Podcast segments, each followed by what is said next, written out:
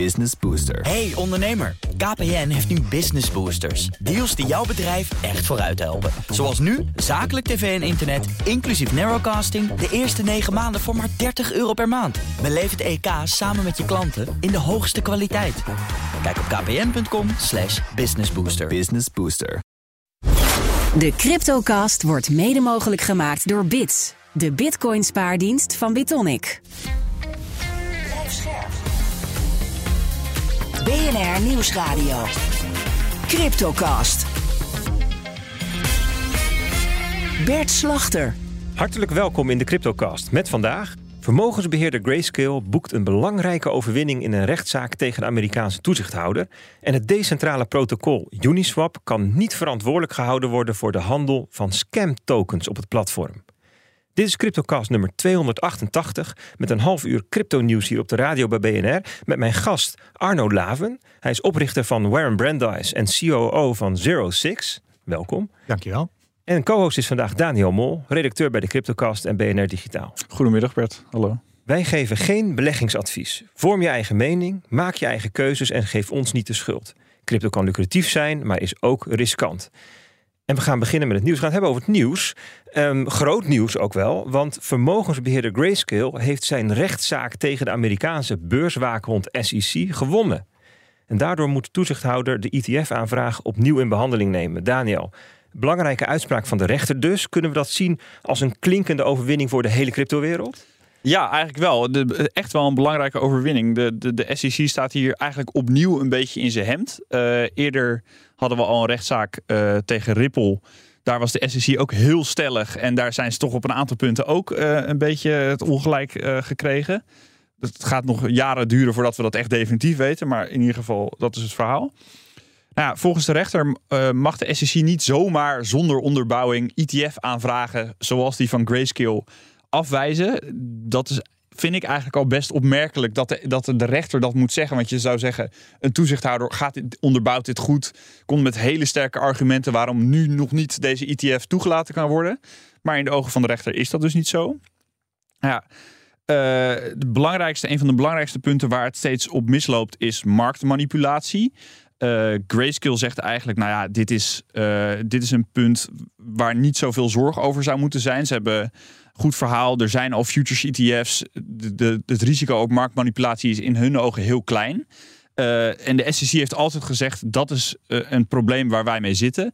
En de rechter zegt eigenlijk, nou ja, dat, hoe jullie dat onderbouwen is niet op de juiste manier.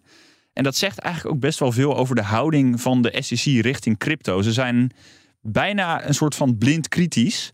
Um, ja, en dat, dat, dat is eigenlijk een slecht verhaal. Nou ja, en nu moet uh, de, de SEC opnieuw gaan kijken naar de ETF-aanvraag van Grayscale.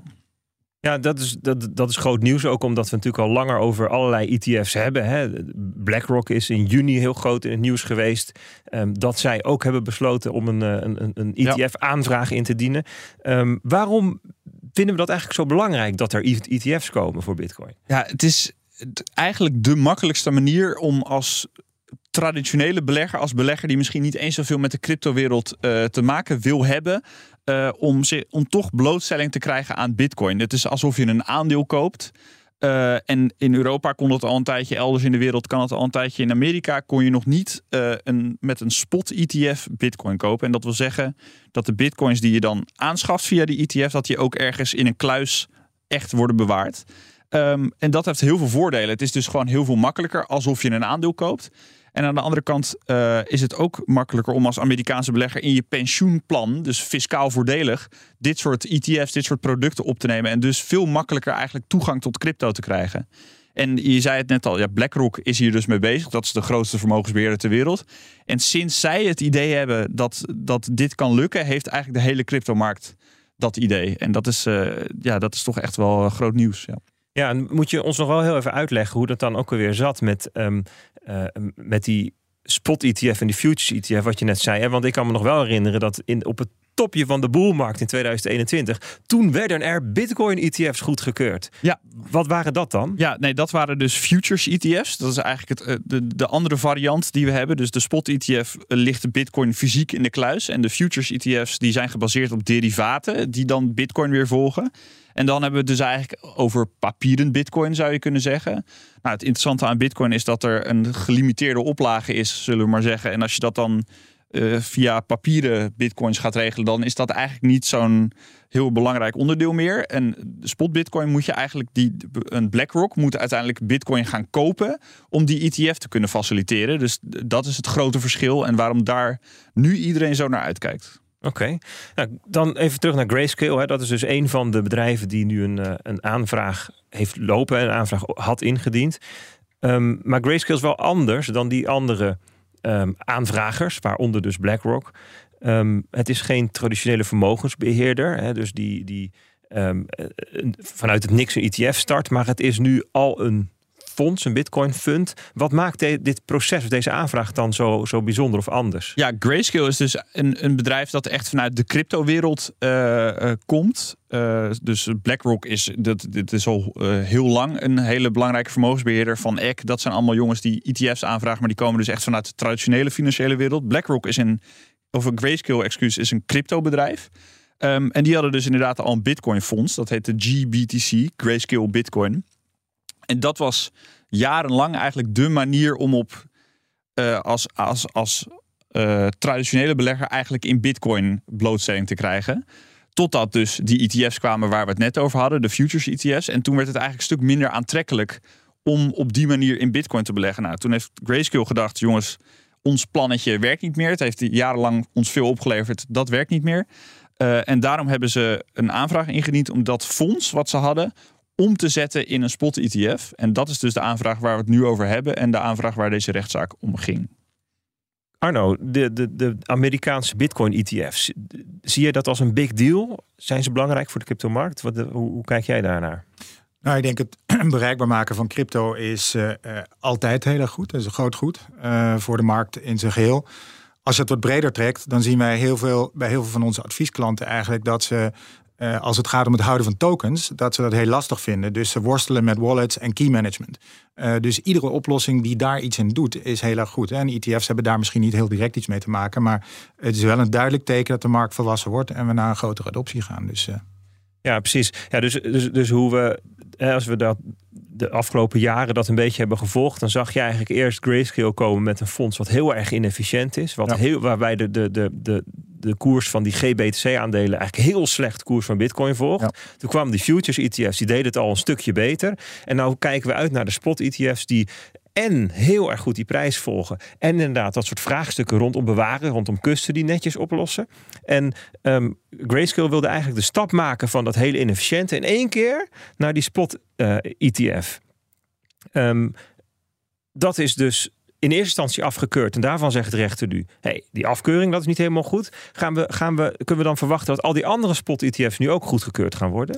Nou, zo direct is het uh, nog niet. Uh, op Twitter of op X, zoals je tegenwoordig moet noemen, was dat wel even de tendens toen deze, de uitspraak van deze rechter naar buiten kwam. Toen dacht iedereen: oké, nou, de ETF's komen er nu allemaal doorheen.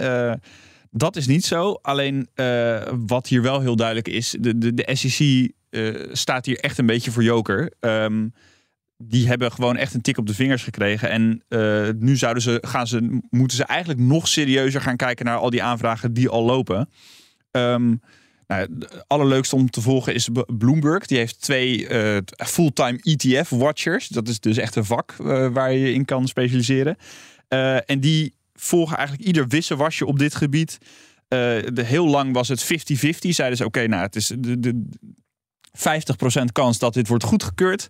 Uh, toen gebeurde een aantal dingen. Toen ging het naar 65% kans. En nu, na deze rechtszaak, zetten ze de kans dat. Uh, de kans is 75% dat er dit jaar nog een spot ETF komt. En als we het dan over 2024 hebben, dus volgend jaar, dan is de kans zelfs 95%. Dus eigenlijk is het. Uh, volgens Bloomberg in ieder geval, en dat zijn experts, een uitgemaakte zaak dat deze ETF er wel gaat komen. Dat klinkt als goed nieuws um, voor beleggers en voor de crypto-fanaten. Um, ja, nog even de laatste vraag dan, Daniel. Wanneer neemt de SEC ehm, de een volgende beslissing? Hè? Want het zijn hele trajecten met allemaal stappen erin. Wanneer is het volgende moment dat we weer wat kunnen horen? Nou ja, afgelopen week hebben ze uh, hun beslissingsmoment uitgesteld. En dat heeft niet zoveel te maken met deze rechtszaak. Want daar, de, daar moeten ze echt nog wel even over nadenken. Over de impact wat, van wat hier is gezegd. Dus uh, over een dag of veertig uh, kunnen we weer verwachten uh, dat ze een nieuw beslissingsmoment gaan nemen. En uiterlijk krijgen we dus wat te horen in het voorjaar van 2024. Maar verwacht dat het misschien nog wel eerder de kogel door de kerk zou kunnen gaan. Um, ja, en dit, dit hele gedoe met Grayscale, de uitspraak van de rechter, heeft ook behoorlijk impact gehad op de prijzen. Want volgens mij schoten we na die uitspraak van de rechter ineens 1000 dollar omhoog, Bert? Ja, dat klopt. Ja, normaal gesproken dan bel ik even in hè, op de CryptoCast om wat te uh, vertellen over wat op de cryptomarkt gebeurt. Nou, nu mag ik presenteren omdat Herbert Blankenstein op vakantie is. Dus dan, dan draaien we hier de rollen even op. Zeker. Um, ja, nee, voor, afgelopen, um, ja, vorige week dinsdag was het, hè, dinsdagmiddag om um, tien voor half vijf. Ja, het was echt tot op de minuut nauwkeurig kon je het zien. Toen kwam die uitspraak naar buiten van Grayscale tegen de SEC. En op die minuut schoot de Bitcoin-koers omhoog. En dat ging wel 2000 dollar zo'n beetje omhoog. Van 26.000 naar 28.000 dollar. Dus dat is wel een significante sprong. Vooral omdat het daarvoor heel vlak was. Dus dan zie je dat ook heel goed.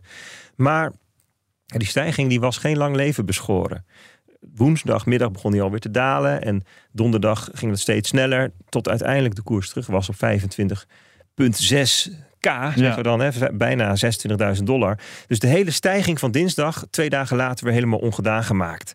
En als we dan kijken van wat is er nou gebeurd, dan zien we dat die stijging op dinsdag grotendeels het gevolg was van speculatie op de futuresmarkt. En dat is helemaal op zich niet erg, maar dan wil je dat er daarna ook op de spotmarkt ja vraag ontstaat. Hè? Omdat mensen dat nieuws verwerken zeggen: hey, dit verandert mijn blik op de zaak. Dus misschien dat normale handelaren, normale kopers ook ja, beslissen: joh, ik ga wat extra Bitcoin kopen door deze uitspraak. Exact. Hè? Dus zo'n reactie op dezelfde minuut nog. Ja, dat zijn vaak algoritmen en traders enzovoort. En daarna wil je dat beleggers en investeerders zeggen: hé, hey, maar dat vinden wij, wij vinden dit ook. En dat zag je niet. En dan zie je vaak, dat zien we vaker, dat je dat, dat, dat dan ja, de, de, de, de, de stijging ook weer wordt teruggegeven. De koers maakt dan een soort rondje om de kerk en komt weer terug waar die begon. Um, en dan, uh, dan eindigt zo'n stoelendans voor de ene speculant met een beetje winst, voor de andere met een beetje verlies. En dan ben je weer waar je, waar je begon. Precies, ja. Nou, als je naar de grafiek kijkt, dan, hebben we, dan zie je eigenlijk een soort Bart Simpson patroon, noemen we dat dan in de crypto-wereld. Dus voor de luisteraar verticaal omhoog, dan ga je een tijdje zijwaarts. Dat zijn de haren van Bart Simpson. En dan ga je weer verticaal naar beneden. Wat zegt dat nu over de fase van de markt waar we in zitten, Bert? Ja, man, zo hebben we er echt veel gezien in het verleden. Ja. Bartjes noemen we ze dan. Hè? Ja, die zien we vooral in perioden dat het volume en de volatiliteit laag zijn. In dit deel van de marktcyclus, hè, dus het midden tussen de boel en de bearmarkt in. Hè. We hebben net een bearmarkt achter de rug, echt een hele diepe kloof. Maar een, echt een volgende boelmarkt waarin er opnieuw heel veel enthousiasme is en nieuw instromende uh, kapitaal en nieuwe beleggers, dat zien we nog niet. Ja, daartussenin, daar zie je dit soort um, bewegingen op de markt. En dat is een aanwijzing dat er niet echt nieuw kapitaal die markt opstroomt. Het is vooral ja, bestaande handelaars die dan actief zijn. En um, ja, pas als de koers weer in de buurt komt van de nieuwe all-time high. En er echt he, met, met veel tumult en veel hype weer nieuw, een grote hoeveelheid nieuwe beleggers binnenstroomt. Ja, dan zie je ook dit soort koersbewegingen niet of, of, of nauwelijks meer. Precies. Dan moeten we het even over de economie hebben. Want afgelopen week uh, veel verschillende cijfers uit de VS, uit China, uit Europa. Wat was jouw aftronk? Ja, uit China komt al een paar weken eh, een stroom van zorgwekkende cijfers. Um, de, de, stress in de vastgoedsector, nou, ja. daar is het breed over gegaan. Maar afgelopen week ook vanuit VS en Europa wat negatieve verrassingen. In Europa de industriecijfers die tegenvallen. In de VS vorige week de werkgelegenheidscijfers. Werk, werkloosheid maakt een klein sprongetje. Um, dat komt dan vooral He, is de analyse um, door mensen die opnieuw de arbeidsmarkt opgaan. En dat wordt dan in verband gebracht met het spaargeld van corona, wat op een gegeven moment op is. We moeten maar weer gaan werken. Maar wat ook heel opvallend is, is dat eerdere rapportages naar beneden worden bijgesteld. Even een voorbeeldje. In juni kwamen er 209.000 banen bij. Dat was het cijfer wat gegeven werd. In juli werd het cijfer van juni naar beneden bijgesteld naar 185.000. En in augustus werd het cijfer van juni nog een keer bijgesteld naar 105. Dus wat eerst 209 leek, is nu nog maar 105. En dat soort bijstellingen naar beneden zie je vaak ja, toch in een, in een, in een laagconjunctuur, in een neerwaartse stuk van, van de conjunctuurcyclus. Dus dat is wel interessant om dat nu eh, te zien gebeuren. Ja, en iedereen eigenlijk, ik lees overal, uh, ook in Nederland, dat we uitgaan van een mild verloop van deze recessie. We zitten in een recessie, maar het is er eentje die heel erg meevalt. Een technische recessie hoor je dan. Uh, schetsen deze cijfers dan misschien een pessimistischer beeld? Is het, gaan we toch nog een beetje pijn voelen? Ja, dat is de vraag die dan zo'n beetje boven de markt hangt. Zo'n donderwolk, zo'n eerste wolkje. Het, het regent nog niet, de storm nog niet, maar er komt wel zo'n wolkje van wat betekent het nou? En de markt die rekent, zeker in de Verenigde Staten, nog steeds op het sprookjesscenario. Waarin de centrale bank de inflatie omlaag krijgt zonder een diepe recessie te veroorzaken. Of in ieder geval, ja, geen, misschien een klein recessietje, maar geen diepe. En dat is wel een gevaarlijke aanname wat mij betreft. Hè? Want heel veel prognoses die gebruiken lineaire modellen om het recente verleden naar de toekomst door te trekken. Het probleem is dat stevige recessies, die verlopen niet lineair. Er is dan geen voortzetting van een lineaire trend. Eh, het afremmen van productie, het oplopen van werkloosheid en faillissementen, het slechter worden van de leenomstandigheden, het zijn allemaal dingen die gebeuren gradually, then suddenly. Geleidelijk en dan ineens dan, dan is het probleem er. Dus daarmee wil ik niet zeggen dat we aan de rand van de afgrond staan. Hè.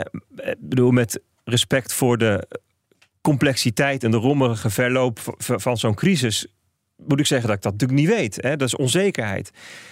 Maar die verslechtering van die e-, macro-economische data, ja, dat is wel iets om in ieder geval een vraagteken te zetten bij het verhaal. Joh, het komt allemaal goed en er komt geen recessie. En het, weet je wel, dat is toch misschien iets aan de optimistische kant. Ja toch iets om in de gaten te houden. Ja, toch eens in, in, in de gaten houden. als je dan even terugkijkt naar de cryptomarkt. Hè, we zitten dus in een fase waarin ja, de, de, vanuit de markt zelf heel weinig gebeurt. Dus dan zie je toch dat externe schokken de, de, de koers bepalen. Nou, dat kan dan Silicon Valley zijn, Bank zijn in maart en BlackRock in juni.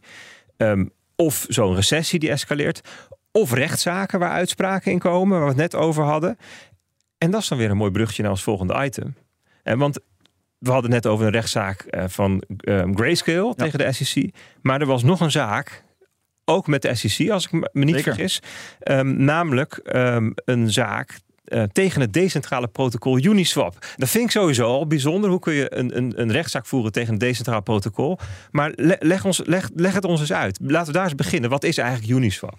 Nou, Uniswap is een manier om uh, Ethereum tokens uh, te wisselen uh, met andere tokens. En dat is eigenlijk alsof er een, een bakje staat met tokens. Die is van niemand. Jij komt wat muntjes brengen en jij pakt er wat andere muntjes uit het bakje. En het is dus heel belangrijk, want je zegt het zelf al, decentraal. Dus het bakje wat daar staat, waar je die tokens gaat omwisselen, die zijn van niemand. en dat is dus het interessante aan deze rechtszaak eigenlijk. Want waar ging die zaak dan over? Nou, een groep investeerders uh, die gedupeerd waren, wilde Uniswap verantwoordelijk houden voor uh, scam tokens die werden aangeboden op het, op het netwerk. Uh, dat ging over tokens als, nou, die kan je gelijk weer vergeten als luisteraar, maar Bizotch en Alpha Wolf Finance en Ethereum Max. Die laatste, die kennen we zelfs nog van Kim Kardashian, die heeft dat gepromoot. En daar heeft ze een boete van 1,3 miljoen volgens mij voor gekregen. Dus dat was niet zo'n goed idee. Uh, en de rechter zegt nu eigenlijk, joh, die investeerders uh, die hebben het niet bij het rechte eind. Die verwerpt de rechtszaak die zij wilden starten. Uh, want Uniswap is helemaal niet degene die hier verantwoordelijk voor gehouden kan worden. Uniswap is een decentraal protocol en dingen die dus op het protocol gebeuren, zoals het aanbieden van scantokens, dat is niet de verantwoordelijkheid van een protocol als Uniswap. Dat zegt ze eigenlijk. Ze zegt eigenlijk dat Uniswap een soort van infrastructuur is, een soort neutrale infrastructuur. Ja, precies. Ja. En die kan je dus niet verantwoordelijk houden voor dingen die daarop gebeuren. Interessante zaak. Arno, dit lijkt een belangrijke uitspraak. En dan in het voordeel van decentrale technologie. Daarover wordt dus gezegd dat je zo'n protocol of zo'n applicatie, hoe je het wil noemen, niet verantwoordelijk kunt houden voor ja, wat, wat, wat voor last anderen daarvan hebben. Hoe, hoe, hoe, zie jij dat? Ja, dat is natuurlijk lastig in de echte wereld. Hè. Het toont aan wat uh, echte decentralisatie inhoudt. En dat het rechtssysteem daar eigenlijk niet mee, uh, mee overweg kan. En uh, het is dus heel goed dat dit gebeurt, omdat dat weer vragen oproept die beantwoord kunnen worden, ook door experts, juridische experts. En gelukkig gebeurt daar ook een hele hoop. Dus op Europees niveau is er bijvoorbeeld nu een regulatory sandbox waar wij bij betrokken zijn. Um, om te kijken wat zijn de juridische gevolgen van decentralisatie en hoe ga je daarmee om. En het is heel goed dat dat plaatsvindt, want zo uh, gaan we met z'n allen naar een beter systeem toe. En kunnen we ook kijken hoe kun je het rechtssysteem laten aansluiten op decentralisatie. Cool, ja, inderdaad. Ik denk dat dat een, een, een mooie um, richting is dat rechters op dit moment ja, met elkaar aan het uitzoeken zijn. En dat is wat dat betreft wel interessant. Doet een rechter in Amerika een uitspraak, dan een keer in Europa. Het is namelijk wel een wereldwijd fenomeen hè, waar we met z'n allen dan uh, grip op moeten krijgen. Die rechter in Amerika, wat voor argumenten gaf hij dan um, om um, ja, eigenlijk, eigenlijk aan te geven dat Uniswap niet verantwoordelijk is voor, voor, voor die scam token. Ja, er zitten een aantal hele, hele grappige vergelijkingen in deze zaak. Uh, ik begin dan even met de gedu gedupeerde investeerders. Uh, die maakt namelijk de vergelijking met uh, alsof de maker van de, de ma een zelfrijdende auto had een ongeluk veroorzaakt. En dat is eigenlijk de fout van de maker. Dus Tesla, een Tesla rijdt iemand dood. Um, en dat zou dan de verantwoordelijkheid zijn van Tesla. Nou, klinkt op zich logisch. Uh, maar de rechter zegt, ja, dat klopt eigenlijk helemaal niet. Die zegt, uh, jullie willen PayPal verantwoordelijk houden voor eigenlijk het faciliteren van een drugsdeal. Dus de investeerders zeggen, PayPal is fout hierin en niet de drugsdealers. En de rechter zegt, nee, de drugsdealers zijn fout en niet PayPal. En dat is precies de, het spanningsveld wat, hier, wat hierin zit. En dan zou je ook nog kunnen zeggen, ja, PayPal is een centrale partij, die kan je nog aanspreken. Die hebben een adres, die hebben een kantoor. Uniswap heeft dat niet eens. Dus eigenlijk is het nog veel logischer om te zeggen, joh, die investeerders probeer maar achter de, achter de, de, de, oprichters van die scamcoins te komen. En Uniswap heeft hier in feite niks mee te maken. Heel interessant. Heel interessant. Nou, we gaan het, uh, gaan het volgen, want het zal vast het laatste niet zijn wat er over gezegd is. We gaan even naar de podcast toe die we zo meteen met elkaar opnemen. Um, Arno, we gaan het hebben over carbon credits.